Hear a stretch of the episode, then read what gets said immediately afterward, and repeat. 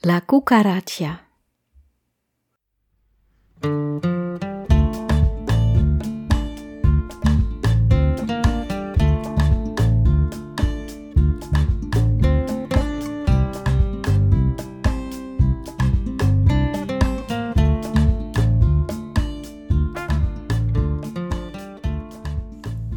Welkom. Tof dat je luistert naar Walvispot. In deze podcastserie neem ik je mee op mijn walvisreizen. En ik vertel over de communicatie, inzichten en wijsheden van de walvissen. Ik ben Mario van Dam. En het begon allemaal in 2006, toen de walvissen geheel onverwachts mijn leven binnenzwommen. En ze zijn nooit meer weggegaan. Ze vormen een belangrijk deel van mijn leven en ze zijn een deel van mij, net zoals ik een deel van de walvissen ben. Er is een mooie, zuivere, liefdevolle verbinding tussen ons ontstaan. En ik reis de hele wereld over naar de beste plekken om met walvissen in contact te zijn. Vijftien jaar lang mag ik mij al onderdompelen in de wonderenwereld van de walvissen. Magische ontmoetingen, avonturen op zee en gesprekken tussen de walvissen en mij. En wanneer ik niet op reis ben, ontmoeten we elkaar over oceanen en landen heen. Wat een prachtig leven. Ja, ik ben absoluut totally in love met de walvissen. Ik heb het altijd voor mezelf gehouden. Slechts gedeeld met een klein clubje mensen die me dierbaar zijn. Maar nu voelt het als het juiste moment om onze verhalen te delen met de rest van de wereld. De verhalen van de walvissen en van mij.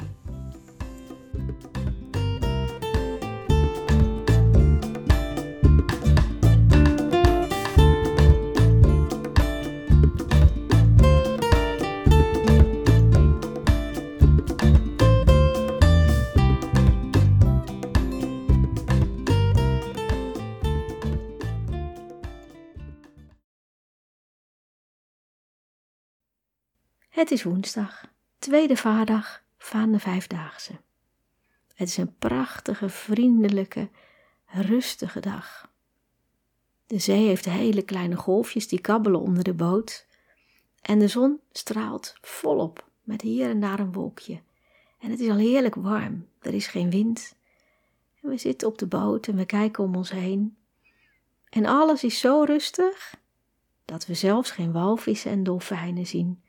We kijken om ons heen, turen de horizon af, zingen, gebruiken muziek, gebruiken bellen om ze te lokken. Maar er gebeurt helemaal niets. En op het moment dat ik ongedurig word en denk: Oké, nou nu heeft het wel lang genoeg geduurd, laat je nu maar zien.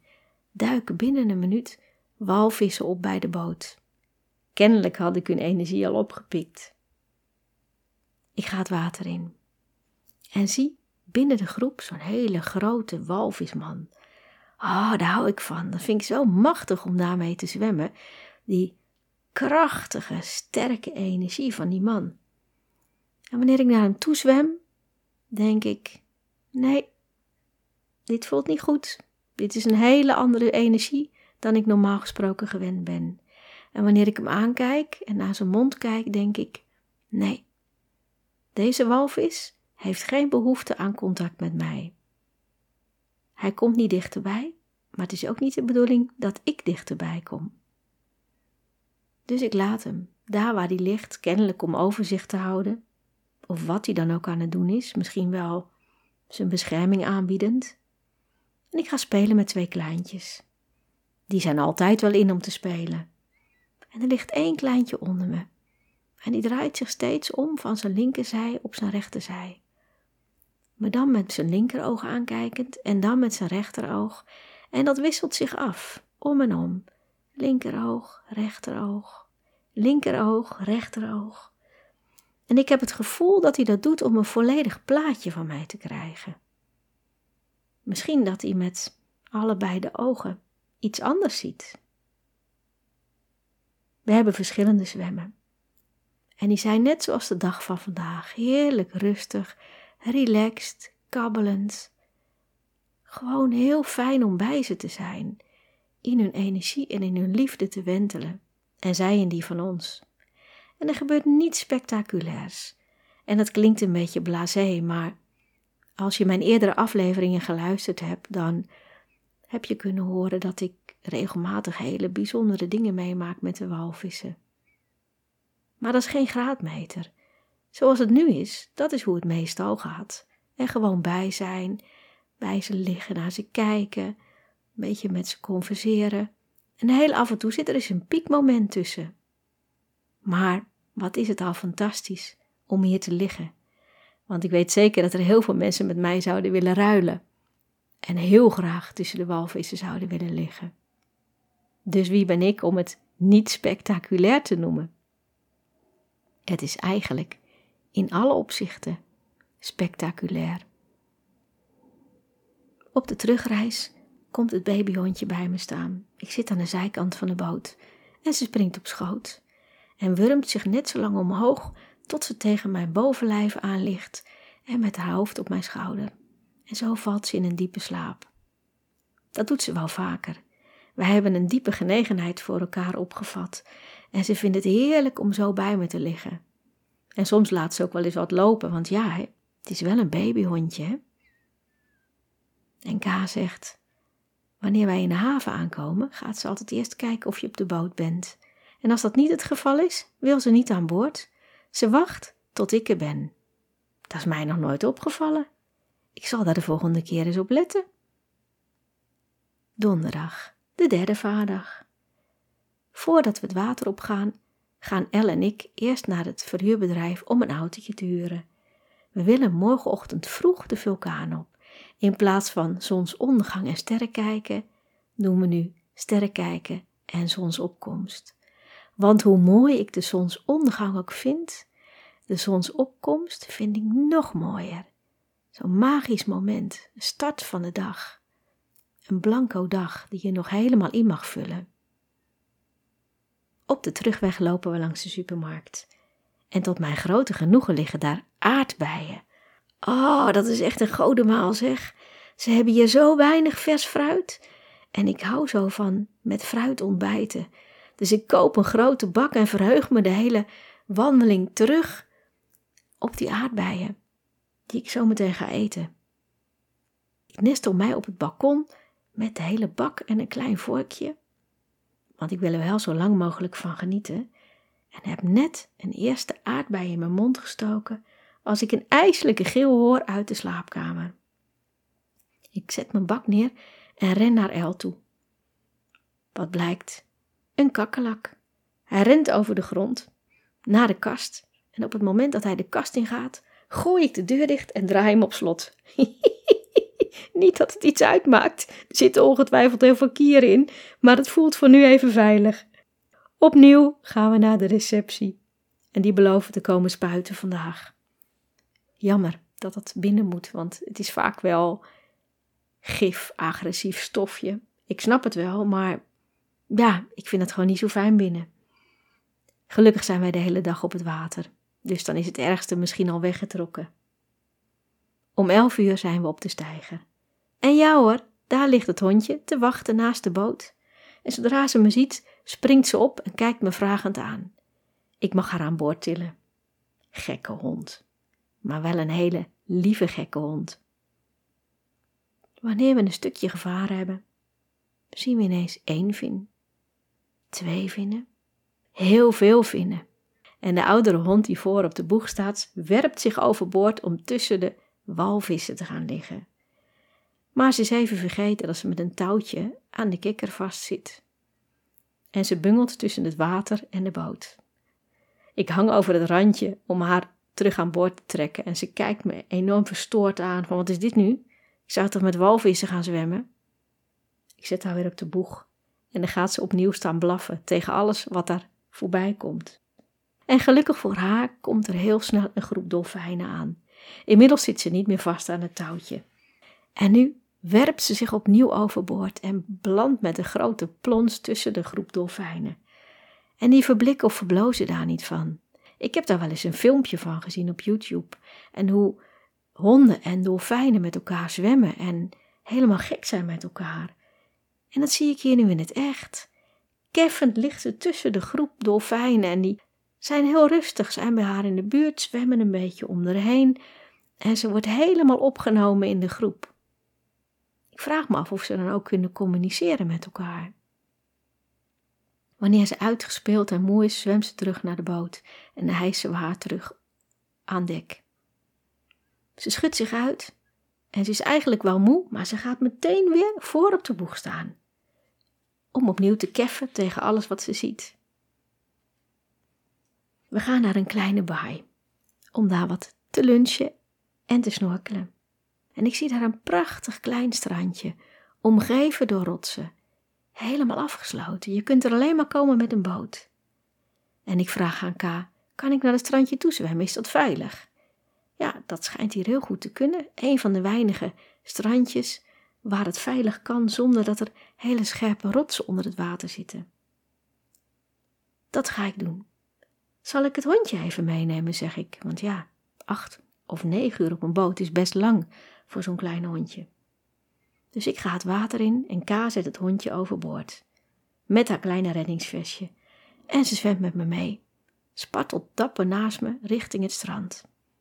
Maar dan ineens wordt ze toch bang en ze kijkt om en ze ziet de boot. En ze wil eigenlijk terugzwemmen. Dat gaan we niet doen. Ik pak haar bij haar handvat en trek haar met me mee.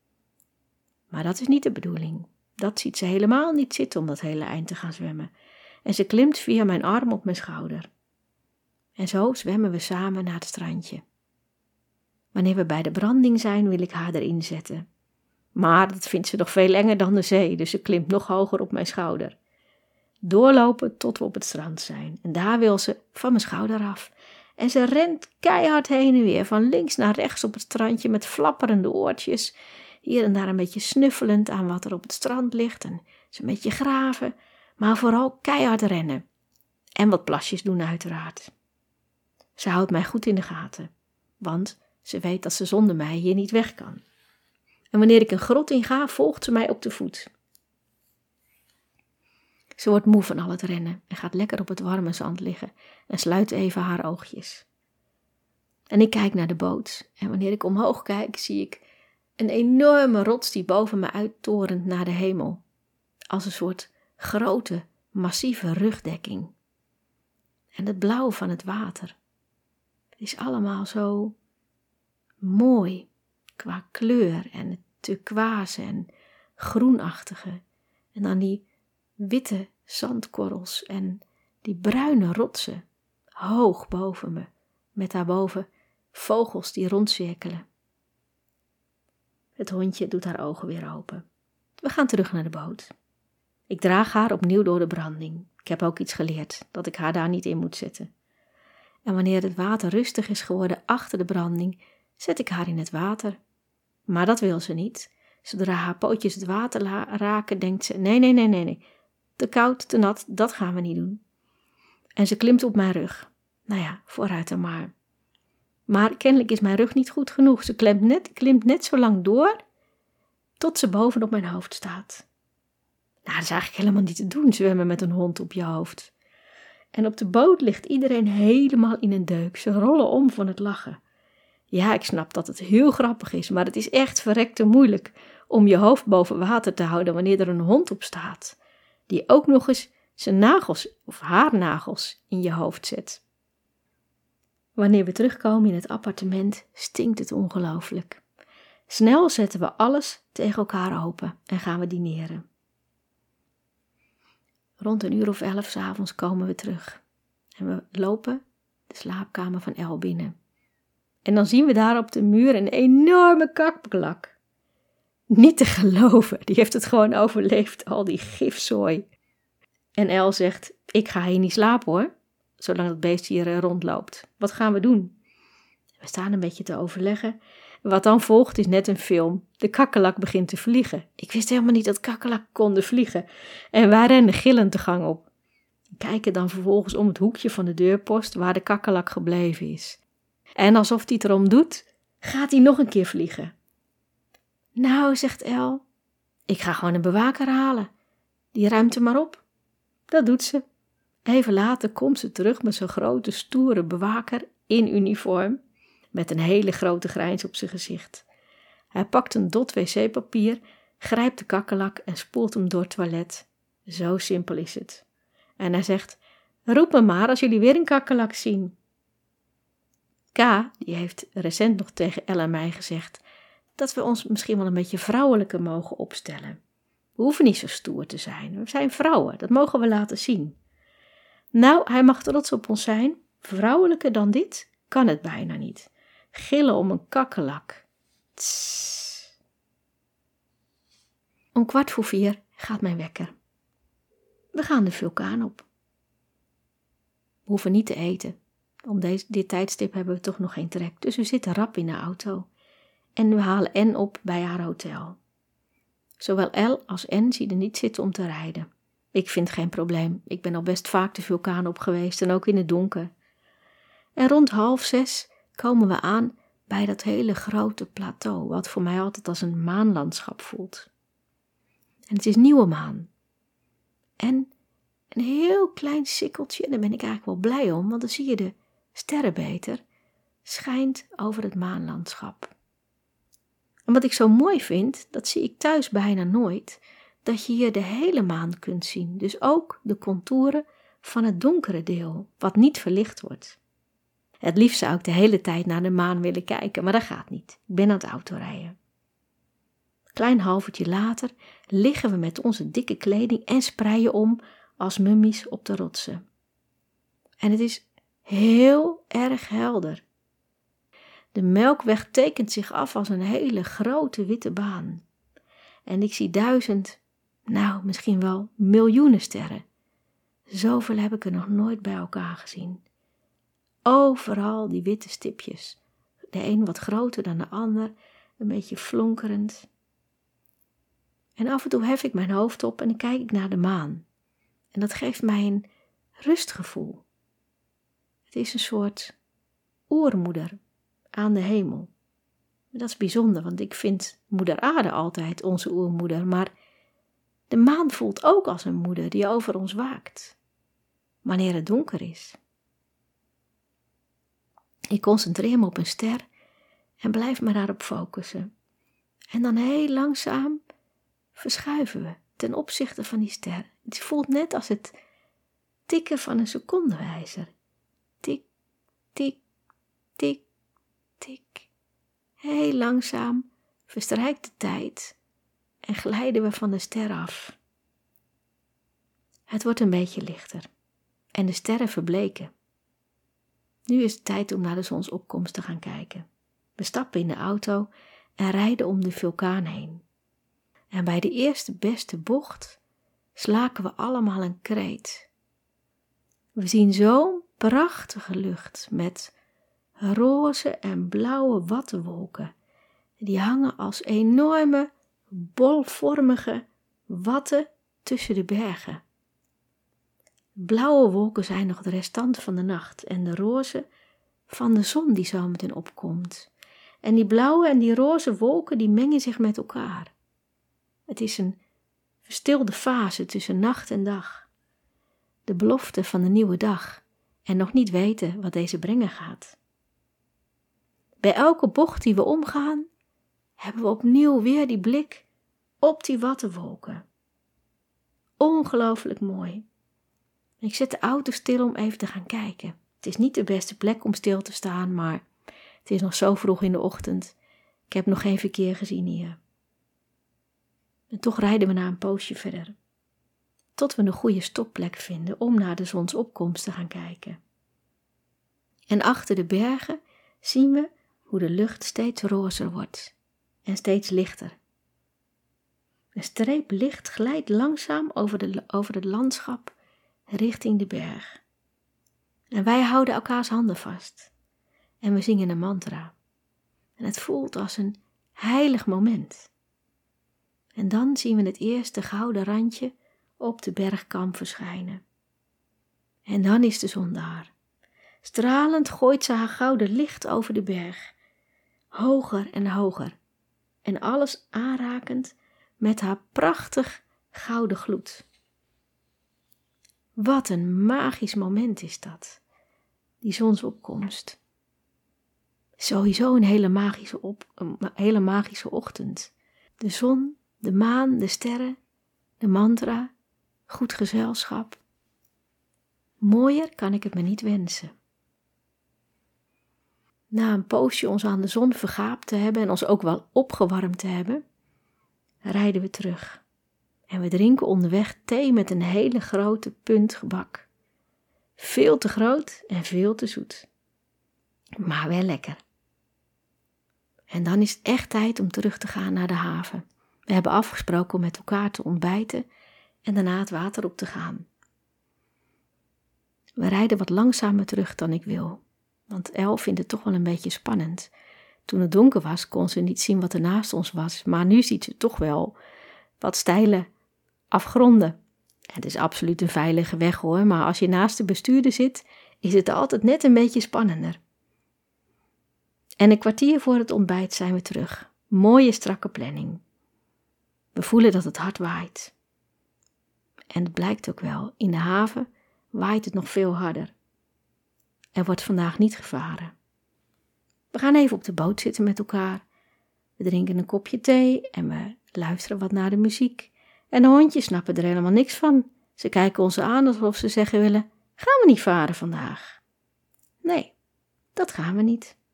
De anderen gaan naar een bergdorp, maar voor mij is het genoeg zo. Ik ga lekker even een beetje relaxen. We waren heel vroeg op, het was een intensieve ochtend.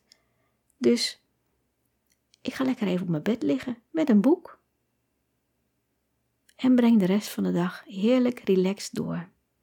Nog nagenietend van die prachtige blauw-roze wolken, de sterren, de zon die opkwam. Dan breekt de vijfde en de laatste vaardag aan. Ik begin mijn ochtend met een meditatie, visualisatie, die El mij geleerd heeft. Zo fijn als je samen een appartement hebt en dat je dan kunt delen in je kennis en de ander daar weer mee verder helpen. En zij heeft mij visualisatie geleerd vanuit het shamanisme.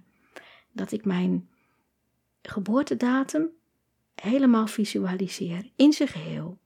Helder in kleur, 3D, en dat ik dat van rondom van alle kanten bekijk.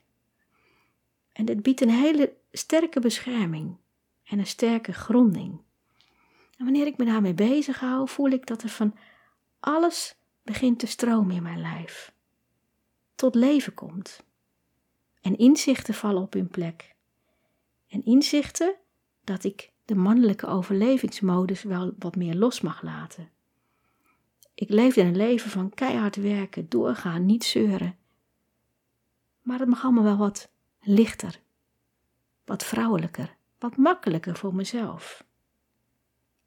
Ik heb een vrouwelijke aandoening opgelopen. Ja, hoe kan je het noemen? In ieder geval, ik heb ergens last van. Ik ga niet vertellen wat het is, dat is helemaal niet zo boeiend om dat nu te vertellen. Maar het is wel iets wat aandacht trekt voor het vrouwelijke. En het is mij duidelijk wat mijn lijf mij probeert te vertellen. De les is duidelijk. Maar nu mag ik dat harde werken, die mannelijke overlevingsmodus, mag ik loslaten. Dat ga ik meenemen op de boot vandaag en daar eens op voelen. Ik heb ook een grote wens om de moeder van het dode babywalvisje te zien. Ik denk dat ik haar voortaan maar anders noem. Mijn grote walvisvriendin, dat klinkt beter. Ik heb walvissen uit haar groep ontmoet, de groep waar we toen mee gezwommen hebben met die plechtige stoet. Maar waar is zij? We hebben afgesproken dat zij, voor zover dat mogelijk is, haar nieuwe kindje aan me zou laten zien. Maar dat kan eigenlijk nog helemaal niet, want walvissen bevallen pas in juli of augustus. Maar ik hou me ook niet aan de afspraak, want ik heb geen man meegenomen, zoals ik beloofd had, dat ik een leuke man zou meenemen. Maar met of zonder man en met of zonder kindje, ik wil haar dolgraag opnieuw zien, samen met haar in het water liggen en bij elkaar zijn. Wanneer ik een paar uur later op de boot zit, denk ik na over de inzichten die ik vanochtend gekregen heb. En ik vraag me af wat ik hier te doen heb, waarom ik hier ben. Het is niet voor niets dat ik ziek geworden ben, want daardoor ben ik hier gekomen. Zou ik anders ook hier gekomen zijn? Ja, dat is iets waar je eigenlijk nooit achter komt. Maar Voordat ik met walvissen ging zwemmen, had ik mij nooit bedacht dat ik dat ooit zou doen. Ik heb het gevoel dat ik deel uitmaak van een veel groter plan. Iemand heeft me ooit verteld dat walvissen, maar ook olifanten, routes langs de aarde bezwemmen en bewandelen. En dat ze dat doen om de aarde te zuiveren, te zuiveren van alles wat, wat ons belast, wat negatief is. En dat ze het daar soms ook best zwaar mee hebben. En zij doen zoveel voor de aarde en voor de mensheid. Maar wie zorgt er eigenlijk voor de walvissen en voor de olifanten? Het voelt als mijn opdracht om mensen weer bewust te maken hoe we met de aarde omgaan en met de dieren. En dat we zorg dienen te dragen voor de aarde, voor de dieren en voor elkaar. Onze aarde is zo belangrijk. Zij is onze planeet, daar leven we op. En hoe mooi zou het zijn als we ons weer bewust worden hoe belangrijk, hoe kostbaar de aarde voor ons is. En hoe we weer contact kunnen maken met de natuur, de aarde, de dieren en luisteren naar de boodschappen die zij ons geven. Ik heb een diepe connectie met de walvissen. En ik mag vertellen wat zij te vertellen hebben. Ik begin daarmee met deze podcast. Een beetje eenvoudig, walvisreizen. En later komen daar de meer complexe walvisboodschappen bij. En wellicht ook boodschappen van de dolfijnen, of misschien ook ooit wel van de olifanten. Ik zwem nu hier en ik ben al best een aantal keren geweest. Ik ben nog niet eraan toe om deze plek los te laten, want het is zo vertrouwd voor mij geworden. Maar ik ga ook zeker op zoek naar andere plekken. En daarbij hoor ik go with the flow. Ja, dat is precies wat ik ga doen. Kijken waar de stroom mij naartoe voert. Naar welke andere landen, eilanden, oceanen zal ik naartoe gaan? Waar zal ik naartoe gebracht worden? Ik keer terug uit mijn mijmering en ik voel dat de zee een beetje onrustig is. De golven zijn nog niet uitgedoofd.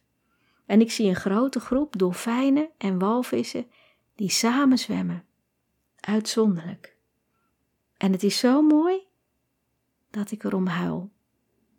Zo mooi om deze dieren in volledige overgave en onvoorwaardelijke liefde met elkaar te zien zwemmen. We kijken alleen maar. Dit is niet om mee in het water te liggen. In de middag komen we een groep dolfijnen tegen. Die hebben wel zin in een zwempartijtje met ons. En En vraagt of ze samen met mij het water in mag.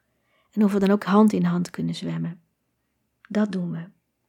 En samen dansen we met de dolfijnen, op de golven, op de energie, op het ritme van de oceaan. En ik zing mijn hele repertoire in mijn snorkel. Ook Love is in the Air. En de dolfijnen vinden het prachtig. En ze doen mee met de muziek van het zingen en het ritme van de zee. En wanneer ik naar Anne kijk, dan zie ik zoiets moois. Zij bloeit helemaal op. Ik zie haar stralend in het water liggen. Ze geeft bijna licht van blijdschap. En wanneer de dolfijnen doorzwemmen en we onze snorkels uitdoen, liggen we daar giechelend als jonge meisjes in het water die iets ondeugends uitgehaald hebben. Maar dat doen dolfijnen met je. Die blijdschap, die vrolijkheid, die ze op je overdragen. Zondag heb ik een extra vaardag geboekt. We komen al heel, heel snel groepje dolfijnen tegen. Maar die zijn meer geïnteresseerd in de boot. Gelukkig komen daarna de walvissen en dat is wel een wens, gewenst contact. Ik zwem met een moeder en een kind en twee grote walvissen. En we zwemmen heerlijk op met z'n vijven. En zoals ik al vaak deze reis meegemaakt heb, willen de kindjes heel graag met mij spelen. En een van de kindjes zwemt zo ongeveer tegen mijn lijf geplakt met me mee, zoals ze dat ook met hun moeder kunnen doen. En op het moment dat ik denk, laten we eens naar de grotere walvissen toe zwemmen, komt het kleintje ertussen liggen alsof die zeggen wil, nee, nee, nee, nee, je bent, je bent voor mij, wij spelen samen. Maar de moeder komt er toch bij. En ze kijkt me indringend aan. Ik heb eerder een ervaring gehad met een blik in het oog van de walvis. En nu zie ik dat opnieuw. Wanneer ik in haar oog kijk, zie ik het universum. Alsof ik door een poort het universum in kijk. Echt een heel diep oogcontact. Maar tegelijkertijd zie ik ook alles wat achter ons ligt. Dus het universum en ons verleden verenigd in één blik. En ze laat me de kennis zien die ze in zich draagt. En draagt ook iets op mij over. Kennis die ik nu niet kan bevatten, maar die ik opsla in mij, om er later iets mee te gaan doen. Daarna dansen we nog een poosje, de moeder, het kleintje en ik. En de vinder van de moeder bewegen vrolijk mee. En dan zwemmen ze door. En de boodschap van deze reis begint zich steeds meer te ontvouwen voor mij. Spelen, plezier maken. Daarom speel ik zoveel met die kleintjes. Het laat me zien hoe fijn het is om te spelen en om gek te doen en meer los te zijn. En ook het thema vrouwelijkheid. Laat die vrouwelijkheid er maar zijn. Ik zwem niet voor niks met heel veel moeders, met moederwalvissen.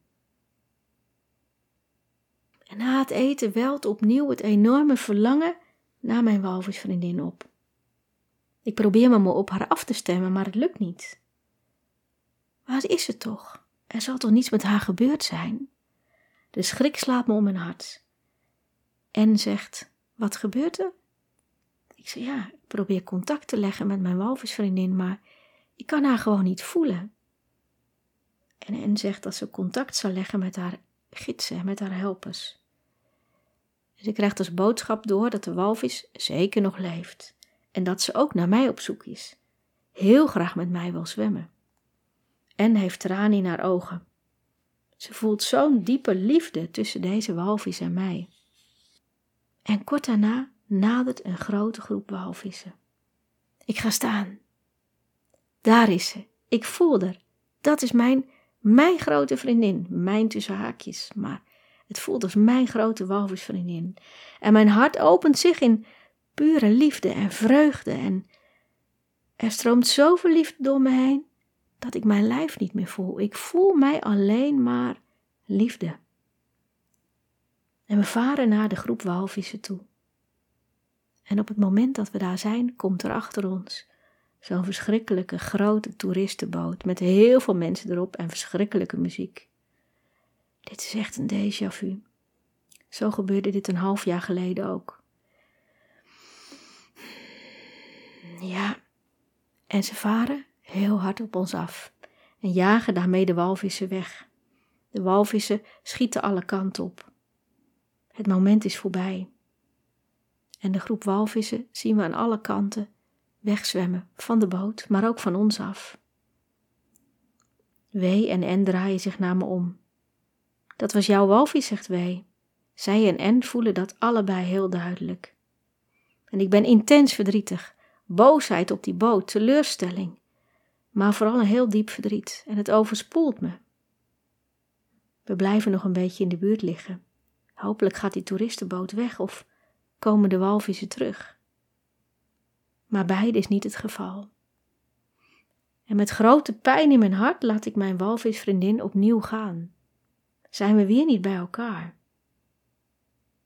K zegt dat walvissen pas in juli en augustus jongen. Ja, dat wist ik. Dus nu had ze toch haar kindje niet kunnen zien, zegt hij. Ja, dat is heel lief van hem, maar het gaat me eigenlijk niet om het kindje. Ja, het zou fantastisch zijn als ze weer een babytje krijgt, maar ik wilde vooral weer bij haar in het water liggen en zij bij mij. Wentelen in elkaars liefde, in elkaars energie. Ja, ik weet echt wel dat we toch wel contact hebben. Ons contact strekt zich over duizenden kilometers uit. En thuis kan ik me op haar afstemmen. En ik ben zeker dankbaar dat dat kan en dat ik haar thuis ook kan voelen. En ik ben heel dankbaar voor de liefde en de vriendschap die we met elkaar delen.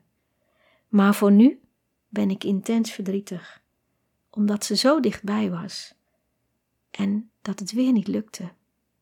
Dat we weer niet met elkaar gezwommen hebben, niet elkaar aan hebben kunnen kijken, niet samen in het water hebben kunnen liggen. Oh, dat doet echt zoveel pijn in mijn hart. Ik heb er echt een hele poos nog last van.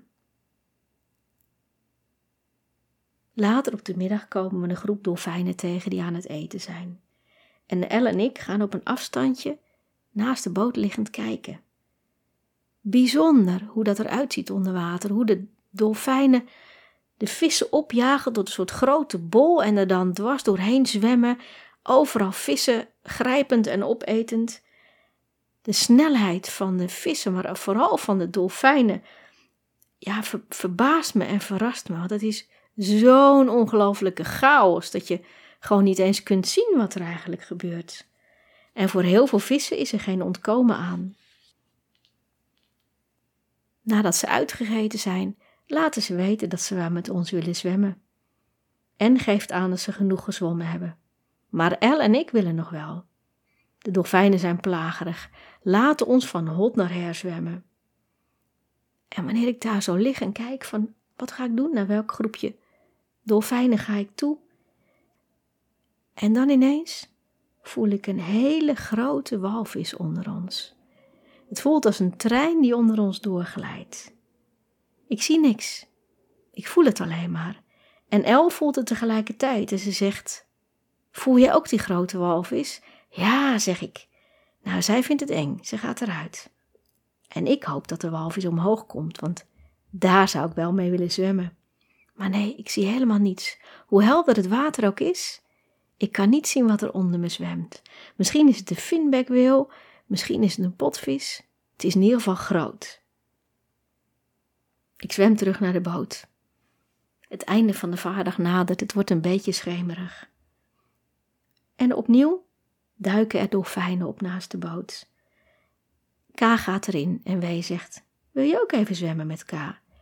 Ja, dat is leuk, dat doen we anders nooit. Hij blijft altijd op de boot wanneer we gasten hebben. En samen worden K en ik opgenomen in de groep. En de dolfijnen zijn helemaal dol enthousiast nu ze K in het water zien. En ze schieten links en rechts om ons heen, boven ons, onder ons, springen over ons hoofd. En dan komt er een spotterdolfin, luid fluitend, echt een paar centimeter van mijn neus af voorbij razen. En nog een keer en nog een keer en hij kijkt me aan alsof hij zeggen wil, joehoe, zie je mij wel? Ja, dit kan echt niet missen.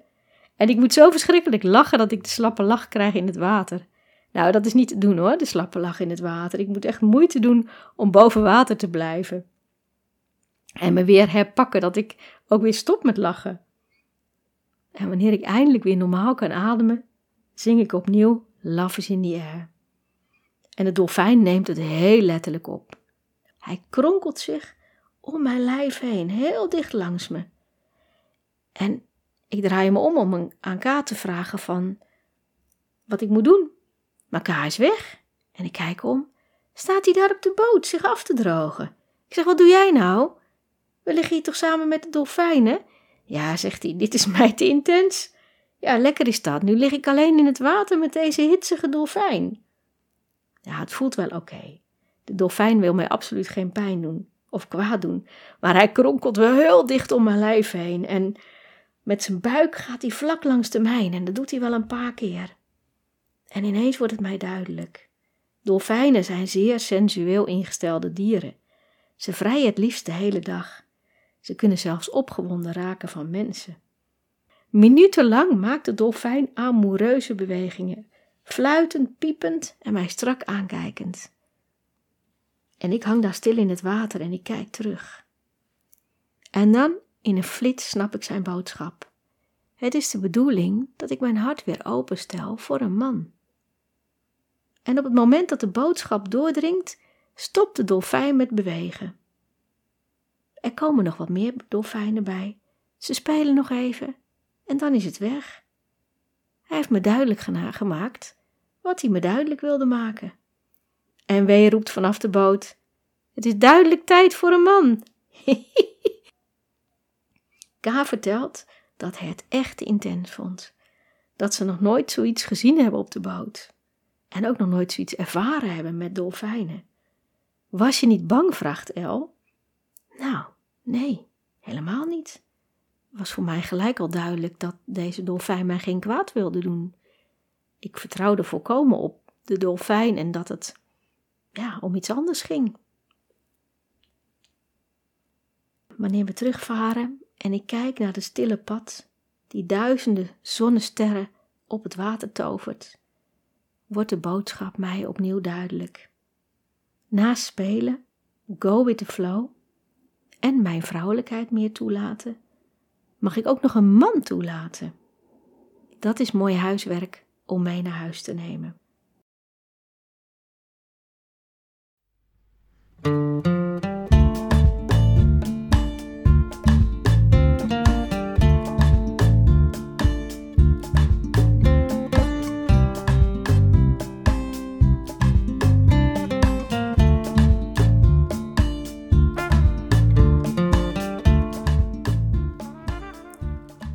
Je hebt geluisterd naar Walvispot.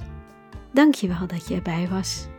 In deze aflevering heb je kunnen luisteren naar hoe ik gezwommen heb met een hond op mijn hoofd. Hoe ik te maken kreeg met een hitsige dolfijn en welk huiswerk ik mee naar huis neem om mee aan de slag te gaan. De volgende keer keer ik opnieuw terug naar dit eiland. Ja, ik ben zeker op zoek naar andere locaties, maar ik ben hier nog niet klaar. Ik ben hier nog niet los van. En neem ik een reisgenoot mee waar ik het moeilijk mee heb. Thuis kan het prima werken met iemand, maar op vakantie kan het toch heel anders zijn. Daarover vertel ik de volgende keer. Mijn naam is Mario van Dam.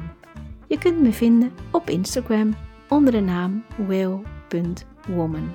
Ik heb ook een website whalewoman.nl. En voor mijn praktijk kun je kijken op flow-shiatsu.nl. Heb je deze aflevering mooi gevonden? Dan zou je deze misschien willen liken, delen, een review schrijven of misschien heb je zelfs een vraag. Ik vind het sowieso heel tof om iets van je te horen. En ik zou het heel fijn vinden als je helpt deze podcast onder de aandacht brengen, zodat nog veel meer mensen naar Walvispot kunnen luisteren. Nogmaals, heel veel dank voor het luisteren. En heel graag tot de volgende keer. En in de tussentijd, go with the flow.